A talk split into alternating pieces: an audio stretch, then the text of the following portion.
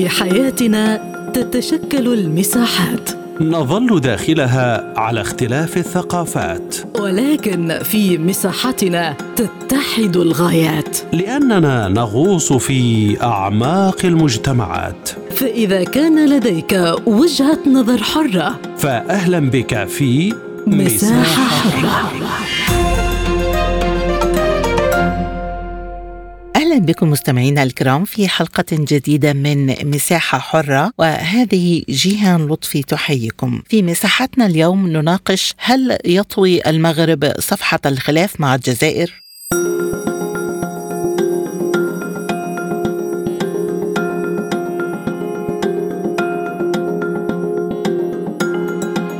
في خطاب للشعب وجه ملك المغرب محمد السادس مطلع الأسبوع الجاري كلمة إلى الجزائر اعتبر فيها أن العلاقات المغربية الجزائرية مستقرة وأعرب عن أمله في عودة الأمور إلى طبيعتها بين البلدين وأن يتم فتح الحدود بعد قطع العلاقات الدبلوماسية بين البلدين. وأكد العاهل المغربي على حرصه على إقامة علاقات وطيدة مع الدول الشقيقة والصديقة وخاصة دول الجوار مشيرا إلى أن المغرب لن يكون ابدا مصدرا لأي شر أو سوء للجزائر. وبين الملك محمد أن المغرب يولي أهمية بالغة لروابط المحبة والصداقة والتبادل والتواصل بين الشعبين المغربي والجزائري. كانت الجزائر قطعت علاقاتها مع المغرب في الرابع والعشرين من أغسطس آب عام 2021 بعد أن ظلت الحدود بين البلدين مغلقة منذ عام 1994 وذلك بعد تفجيرات فندق أطلس أسني بمراكش عندما فرض الملك الراحل الحسن الثاني تأشيرة على الجزائريين لدخول البلاد ما دفع الجزائر بدورها إلى غلق الحدود البرية بين البلدين وتكرس هذا التوتر بقطع العلاقات الدبلوماسية بين البلدين في مرحلة لاحقة. فهل يطوي المغرب صفحة الخلافات مع الجزائر وما أسباب توقيت هذه الدعوة المغربية للمصالحة؟ كيف استقبلت الجزائر دعوة الملك؟ وهل تجاوز الطرفان الخلافات المتعلقة بالموقف من إقليم الصحراء والموقف من تطبيع المغرب مع إسرائيل؟ حول هذه المحاور وغيرها تدور نقاشاتنا في حلقة اليوم من مساحة حرة. يسعدني في البداية أن أرحب بضيوفي في حلقة اليوم من من الرباط معنا عبر الهاتف الدكتور راشد الأزرق أستاذ العلوم السياسية والقانون الدستوري بجامعة ابن طفيل ومن الجزائر معنا عبر الهاتف الكاتب والمحلل السياسي الأستاذ حكيم بوغرارة ومن القاهرة معنا عبر الهاتف الدكتور مختار غباشي نائب رئيس المركز العربي للدراسات. مرحبا بضيوفنا ومستمعينا ابقوا معنا.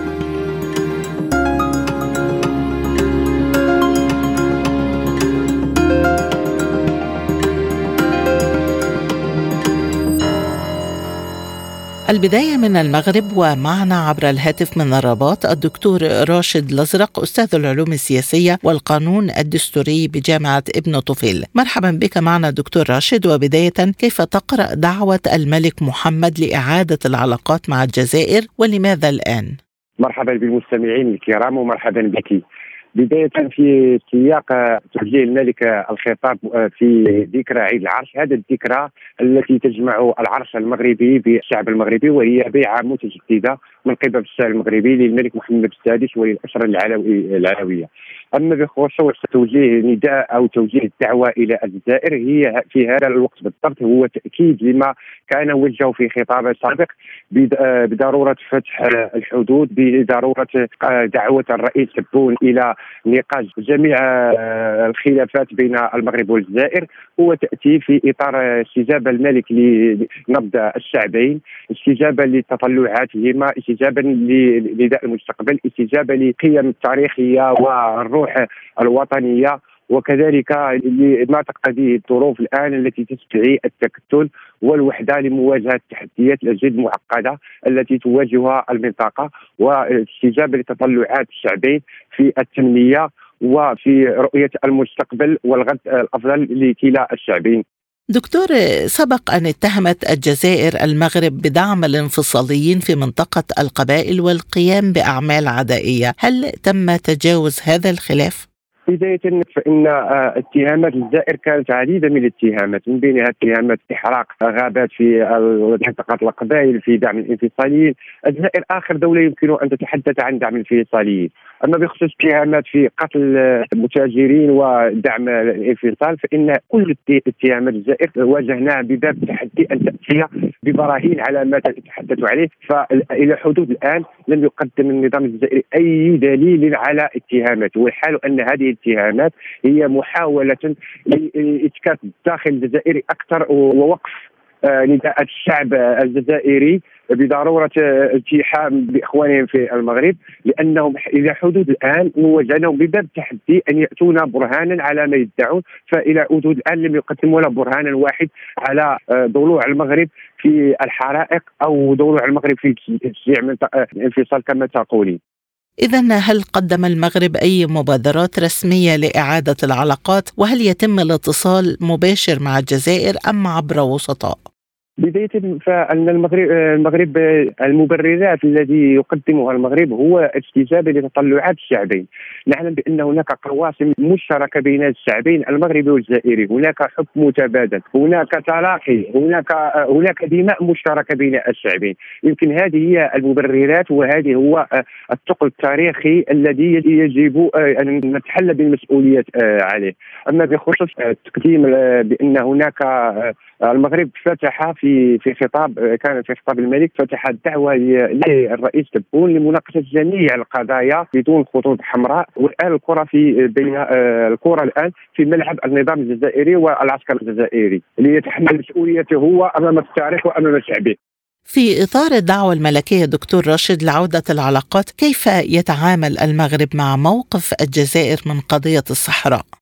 قضية الصحراء المغربية هي التعامل معها بكون أنها قضية عادلة وبالتالي فإن هذه القضية التي بلغ المغرب مسارا طويلا في اتجاه طيها بنيل الاعترافات الدولية وبالتالي فإن هذا الموضوع هو موضوع قضية وحدة ترابية وبالنسبة للمغاربة شعبا ونظاما بأنها قضية وجودية. عكس النظام الجزائري فهي قضية نظام قضية نخبة عسكرية أكثر ما هي قضية شعب جزائري. بالعكس لو كان نظاما ديمقراطيا في الجزائر لحلت جميع القضايا في غضون 24 ساعة لانها ليست قضية شعبية بل هي قضية نخبة عسكرية تريد الهيمنة على القرار داخل الجزائر والبقاء في هذه الهيمنة وإبقاء المبررات من بينها مبرر آه، تحت مبرر بأن العداء المغربي. ولكن دكتور لدى الجزائر تحفظ كبير بشأن تطبيع المغرب مع إسرائيل. في أي سياق سيناقش المغرب هذه القضية مع الجزائر؟ نعلم أن لكل دولة لها سيادة. واتخاذ المغرب لقرارات بعودة العلاقات مع إسرائيل أو مع غيرها مع بعض. الدول هو قرارات سيادية وليس هناك بالباب في المنطق الدولي. ليس هناك يمكن لدوله أن تقول لدولة أخرى أن تعيد العلاقات أو تقطع العلاقات لأنها لأن يجب أي دولة في المنتدى الدولي أن تحترم قرارات السياديه للدولة الأخرى. وبالتالي فإن قرارات عودة العلاقات بين المغرب وإسرائيل هو قرار نعتبره سيادي ويدخل من امور المغربية لا, لا سبيل لأي دولة مهما قل شانها أو عدم شانها أن تعلق على هذا القرار أخيرا دكتورة هل هناك أي مبادرات دولية أو إقليمية للقيام بجهود وساطة لإعادة العلاقات بين المغرب والجزائر؟ نعلم جميعا بأن أمور الوساطة هي أمور تتم عبر بعيدا عن الكاميرات وبعيدا عن عن الإعلام. والأمور الوسطيه حاولت العديد بين بعض الدول القيام بالوساطة بعد قطع العلاقات من طرف واحد من طرف الجزائر وبعد آه، منع آه، وقف الرحلات الجوية. غير أن الدول التي تدخل الوساطه تقول للجزائر أعطيني مبرراتك على قطع هذه العلاقات. فيعجز النظام الجزائري على على إعطاء المبررات والبراهين وثم يفهم بأنها هي قضية نخبة عسكرية وبالتالي فالى حدود الآن آه، عجزت الوساطات أو ليس هناك وساطات بالمعنى واضح لحالة هذا الملف وبالتالي فإن خطاب الملك وتوجيه رسائل الملك في عيد العرش إلى الشعب الجزائري وإلى النظام الجزائري هو إخلاء للمسؤولية هو إعلان من المغرب ومن الملك المغرب أنه يستجيب للتطلعات الشعبيه في عودة العلاقات بين المغرب والجزائر وإزاحة الحدود التي عمر إزاحة الحدود البرية والجوية وقطع الحدود البرية والجوية بين المغرب والجزائر التي تمت من طرف واحد وهو الجزائر. من الرباط دكتور راشد الأزرق أستاذ العلوم السياسية والقانون الدستوري بجامعة ابن الطفيل كنت معنا. شكرا جزيلا لك. وحول موقف الجزائر من دعوة الملك معنا عبر الهاتف من الجزائر الكاتب والمحلل السياسي الأستاذ حكيم بوغرارة. أهلا بك معنا أستاذ حكيم. وبداية الرئيس تبون أعلن في مارس أن العلاقات بين الجزائر والمغرب وصلت إلى نقطة اللا عودة كيف تقرؤون الآن دعوة الملك محمد لإعادة العلاقات؟ هو دعوة ملك المغرب بإعادة تطبيع العلاقات وفتح الحدود أعتقد بأنها تصريحات أو كلمات وردت في خطاب لا يتعدى تأثيره وسائل الإعلام فهو جلب الكيان الصهيوني هذا العدو الأول للجزائر والدول العربية والإسلامية ونصبه في المملكة المغربية وأصبح يستعمله للتشويش وضرب الجزائر اعلاميا والتهجم على حلفائها وعلى المنطقة بأكملها. وبالتالي الممارسات الميدانية للمغرب مع الكيان الصهيوني واستعماله للكثير من الأدوات كإغراق الجزائر بالمخدرات والمهلوسات والأوراق المزورة كلها سلوكات تؤثر على الأمن القومي الجزائري. وبالتالي هذه السلوكات إذا قارناها بما ورد في الخطاب لأنه وردت جملة كذلك قال فيها المالك المصدر المغرب لن يكون مصدر سوء أو شر على الجزائر لكن هذا لا يتطابق مع الممارسات الميدانية. وبالتالي الجزائر في علاقاتها خاصة مع الدول العربية والإسلامية كانت دائما تضحي وتتنازل من أجل الحفاظ على المصالح العليا لكن ما حدث مع المغرب أمر خطير جدا. ولهذا قال الرئيس عبد المجيد تبون بأننا في مرحلة لا عودة مع المغرب لأنه يريد الشعور بالجزائر ويريد أن يغطي على الفشل الداخلي بالتهجم وإثارة المشاكل مع الجزائر. وحتى خطابات يعني عيد العرش تزامنا أصبحت عادة لا يوجد فيها أي تطور. مرات يقول بأن يدي ممدودة للجزائر ومرات يقول المغرب لن يكون مصدر سوء أو شر ولكن السلوكات الميدانية هي التي جعلت الجزائر تتخذ مثل هذه المواقف تجاه المغرب. إذا هل صدر إعلان رسمي بخصوص هذه الدعوة في الجزائر وما الذي يمكن عمله لعودة العلاقات أو على الأقل فتح الحدود كما طالب الملك؟ هو عندما تحدث الرئيس عبد المجيد تبون عن نقطة لا عودة وبالتالي المغرب عليه أن يصحح كل هذه الكوارث الدبلوماسية التي ارتكبها لأن ما يسود في الجزائر حول المغرب هو التجاهل التام لهذه الخطابات التي يسعى من خلالها لتحقيق مكاسب إعلامية مثل ما أثاره كذلك في حضوره لقمة جامعة الدول العربية وخلقه للسيستان وبالتالي الجزائر أصبحت متفطنة لمثل هذه الخرجات وهناك تجاهل تام في الجزائر لهذا الخطاب حتى لا يمنحونه أكبر من حجمه، نحن حقيقة نحترم الدول وسيادتها لكن التلاعب مع الجزائر ومخاطبة العواطف بعد إثارة الكثير من المشاكل. هذا أصبح لا ينفع وكل دولة سيدة في اختيار ما تراه مناسبا ما يحفظ أمنها القومي وتتحالف مع من تشاء. وبالتالي هناك تجاهل تام لهذه الدعوات المغربية لأنها أصبحت عادة على كل حال وأداة في يد المالك ربما لتسويق بعض رسائل طمأنة للراي العام الداخلي المغربي لكن في الجزائر هناك تجاهل تام سواء في الدوائر الرسمية أو حتى في الدوائر الإعلامية أو حتى على مستوى ال social media. أستاذ حكيم موقف الجزائر من قضية الصحراء في قلب الخلاف بين البلدين إلى أي مدى يمكن الوصول إلى التسوية في هذا الملف خاصة في ظل الاعتراف الدولي من عدة أطراف بمغاربية الصحراء الجزائر ليست ضد المغرب وليست مع الصحراء الغربية في هذه القضية، الجزائر مع المسار الأممي لأن القضية الصحراوية هي ملف قانوني متواجد على لجنة تصفية الاستعمار الرابعة على مستوى الأمم المتحدة، الجزائر في الكثير من المرات قالت بأنه وفقا لقرارات الأمم المتحدة التي أقرت في 1991 وقف إطلاق النار وتشكيل بعثة مينورسو التي هدفها هو إقامة حق استفتاء تقرير مصير للشعب الصحراوي. قالت الجزائر بأن الصحراويين إذا أرادوا الانضمام للمغرب فمرحبا إذا أرادوا الاستقلال يجب احترام سيادة الشعب الصحراوي وجبهة البوليزاريو وبالتالي أي تأثير للجزائر؟ لو كان الحل بيد الجزائر لكانت قد منحته ربما لجبهة البوليزاريو لكن القضية تتعدى الجزائر وتتعدى المغرب وتتعدى الدول الإقليمية وحتى الذين يعترفون فيه نوع من البزنسة الدبلوماسية فالاعتراف الصهيوني الأخير بالصحراء الغربية لن يقدم ولن يؤخر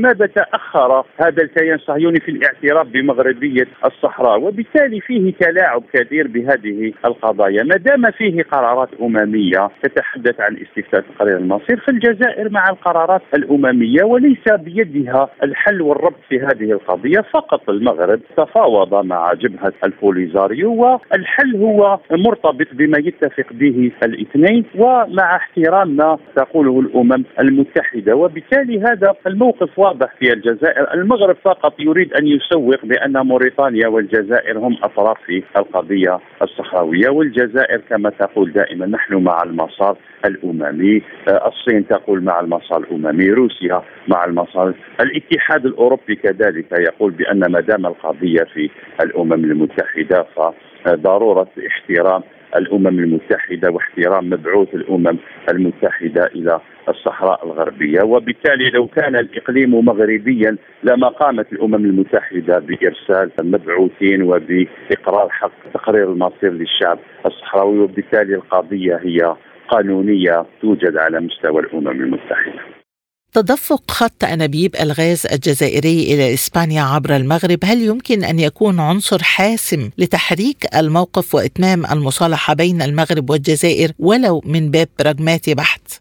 هو أنبوب المغاربي لنقل الغاز إلى إسبانيا عبر المتوسط هو المغرب هو الذي لم يجدد طلبه في الاستفادة من الغاز الجزائري، حقيقة كانت أزمة سياسية ودبلوماسية ولكن في الجانب الاقتصادي لاحظي بأن توتر العلاقات بين الجزائر وإسبانيا وتعليق العمل بمعاهدة الصداقه وحسن الجوار لم يمس تصدير الغاز إلى إسبانيا لأن هذه العقود تقريبا هي عقود مع الشعوب وبالتالي لا يمكن إدخال الشعوب في مسائل تخص الدبلوماسيين وتخص سلطات الدول. وعليه في المغرب عليه أن يلوم نفسه من خلال عدم تجديد طلبية تصدير الغاز إلى الجزائر لأن الجزائر حقيقة فيه توتر مع السلطات المغربية لكن على المستوى الشعبي العلاقات كانت دائما طيبة. لكن من خلال خطوات المغربية وردود فعل الجزائر المستهجنة خاصة للتطبيع مع الكيان الصهيوني وتوظيفه في التعدي على الأمن القومي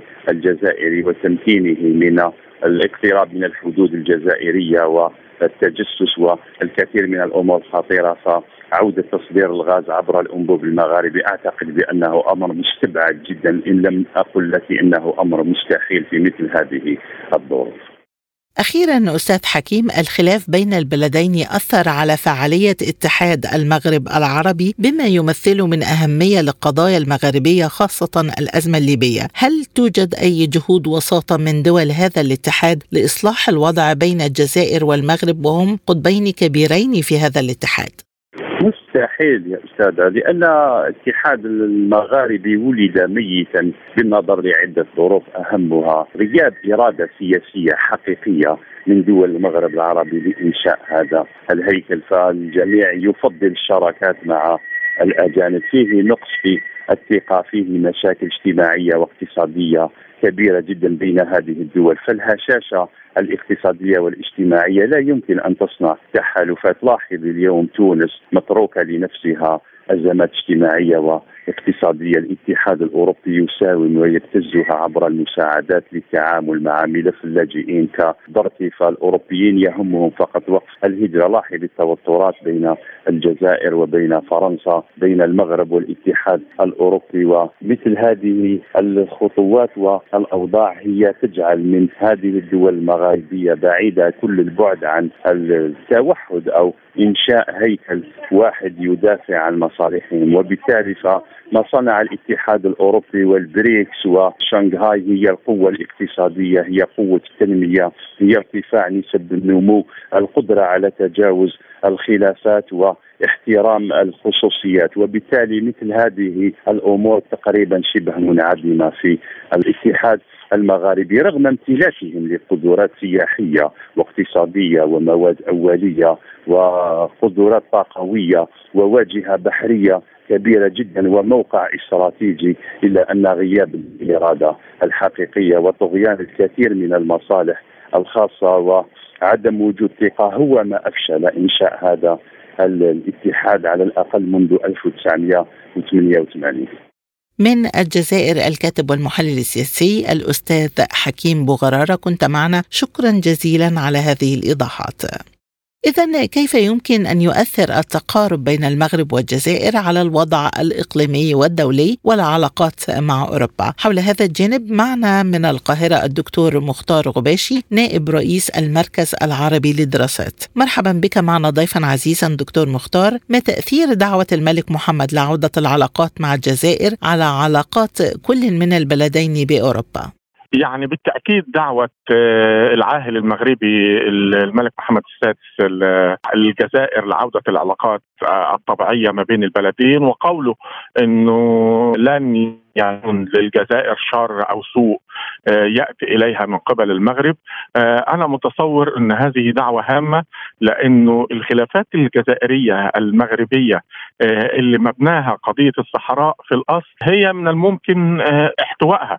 ودائما وابدا تأتي التوترات من قبل الدولتين على قضية الصحراء في المقام الأول. وزاد آه، المسألة آه، سوءا ما بين الجانبين آه، تطبيع المملكة المغربية لعلاقاتها مع الجانب الإسرائيلي. وإحنا عارفين إن التوجه الجزائري في هذا الموضوع توجه متشدد للغاية خصوصا فيما هو مرتبط بمسألة التطبيع وضرورة حل القضية الفلسطينية. ووجود دولة فلسطينية على حدود 67 لكن أنا وجهة نظري إن الدعوة المغربية لسه لم نرى آه، ردود أفعال حقيقية وصريحة آه، من الجانب الجزائري لكن من الممكن أن تفتح أبواب آه، طبيعية لحديث متبادل ما بين الجانبين حوالين ترطيب وتجهيز عودة العلاقات الطبيعية ما بين الجانبين.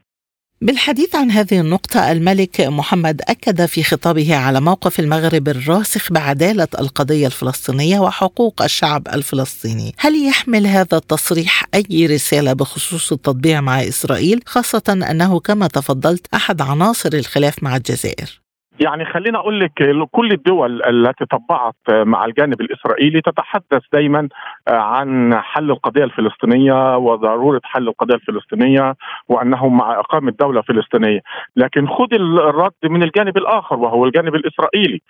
وإحنا عارفين إن نتنياهو ذاته له تصريح فج في هذا وفاضح في هذا الموضوع إنه كانت القضية مع العالم العربي التطبيع لكي تحل القضية الفلسطينية وقد عاد التطبيع اذا مسألة القضية الفلسطينية آه، وضرورة حلها مسألة يعني آه، لن تجدي في ظل عودة آه، هذه العلاقات وطبيعة وتطيب هذه العلاقات. الأمر الثاني وده أمر مهم جدا إن معلوم لدي العالم العربي إن في مؤتمر القمة الذي عقد في 2002 في بيروت كانت حديث العالم العربي أو المبادرة العربية تطبيع كامل مقابل انسحاب كامل ودولة فلسطينية. فحصل تطبيع دون أن يكون هناك انسحاب ودون أن يكون هناك حل لهذه القضية ولا بوادر حل ولا إطار حل. بالعكس كل الأحاديث الخارجة من الجانب الإسرائيلي آه، تتحدث عن نهاية هذه القضية وإنه آه، يعني لا جدوى من الحديث عن دولة فلسطينية ولن تقبل إسرائيل بإقامة دولة فلسطينية آه، بجوارها. فالجانب الجزائري يدرك ده. ومتصور إنه الجانب المغربي أو كثير أو كل الدول آه، في العالم العربي التي طبعت أو التي لم تطبع تدرك إنه الجانب الإسرائيلي لن يحقق حلم الدولة ولن يعطي للفلسطينيين دولة إذا برأيك دكتور هل يؤثر التقارب بين المغرب والجزائر على النفوذ الفرنسي في المنطقة خاصة مع بدء تآكل الحضور الفرنسي في إفريقيا بشكل عام؟ يعني خليني أقول لك العلاقات الفرنسية الجزائرية آه، آه، دائما فيها شد وجذب. إحنا شفناها آه، في الفترة الأخيرة أو في المرحلة الأخيرة. والعلاقات الفرنسية أيضا المغربية يعني علاقات جيدة وما فيش أي مشاكل صريحة. ما بينهم. آه لكن صحيح هناك تآكل للوجود الفرنسي داخل الساحة الأفريقية لحساب الوجود الروسي. مصالح كثيرة جدا مرتبطة بالشأن الفرنسي ومالي وأفريقيا الوسطى. آه عنصر أساسي مهم جدا على حساب آه عدم وجود فرنسي. وشفنا أخيرا النيجر والانقلاب الذي تم في النيجر وغضب من الطرف الفرنسي ومظاهرات وحتى تعدي على السفارة الفرنسية في نيامي داخل عاصمة النيجر ف الخسارة الفرنسية في الكثير جدا من الأماكن الأفريقية كانت دائما خسارة لحساب الطرف المقابل لها وهو الطرف الروسي وده يأتي في ظل الصراع الأكبر ما بين الولايات المتحدة الأمريكية والعالم الغربي وما بين الطرف الروسي والطرف الصيني المقابل. برأيك هل ترتبط الدعوة المغربية لعودة العلاقات مع الجزائر بصعود اليمين في إسبانيا بما يتبعه من رفض الهجرة واحتمالات القطيعة مع أوروبا إذا تولى اليمين السلطة في إسبانيا المجاورة؟ آه، قد يكون بس ما تنساش إن هناك آه، ملف مقدم آه، لتجهيز أو تنظيم كأس العالم 2030 ما بين المغرب وإسبانيا والبرتغال فانت أنت يعني آه العلاقات دائما آه فيها شكل من أشكال الشد والجذب. لكن أنا وجهة نظري أن العلاقات المغربية مع الطرف الغربي بشكل عام آه والطرف الأسباني أو الطرف البرتغالي بشكل خاص هي علاقات طبيعية ما فيهاش آه شكل من أشكال التوتر الصريح حتى وإن كان جبل طارق آه، جزء من آليات هذا التوتر لكن ليس توتر دائم آه، دائما وابدا. أنا من وجهة نظري أن العلاقات الطبيعية ما فيهاش تأثير لكن تسوية العلاقات الجزائرية آه، المغربية هي لمصلحة منظومة الأمن القومي العربي اللي متهلهل بدرجة كبيرة وعنصر من عناصر تهلهل أو يعني ضعف هذه المنظومة هي الخلافات الجزائرية المغربية هي قضية الصحراء هي الحروب السياسية الباردة اللي بين العالم العربي وبعضه وبعضه.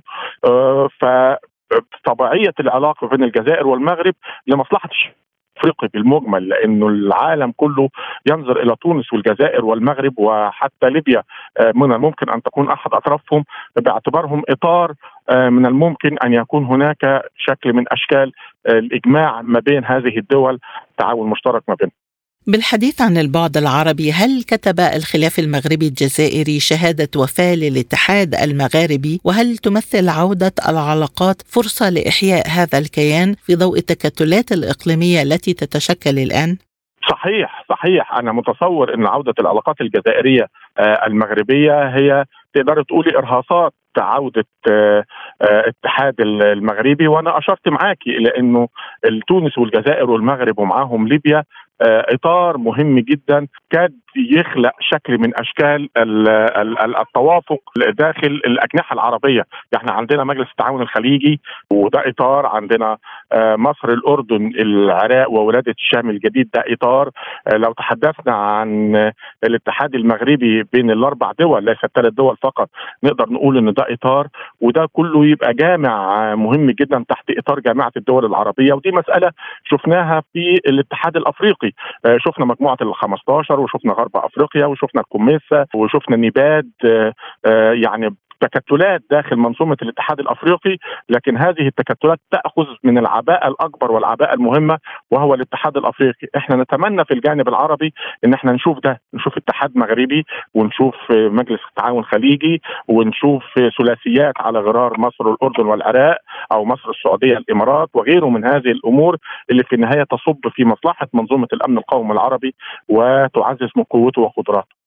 بحديثي إلى نائب رئيس المركز العربي للدراسات الدكتور مختار غباشي نكون قد وصلنا إلى ختام حلقة اليوم من مساحة حرة. قدمته لكم جيهان لطفي وللمزيد. زوروا موقعنا على الإنترنت سبوتنيك دوت إي. شكرا لطيب المتابعة وإلى اللقاء.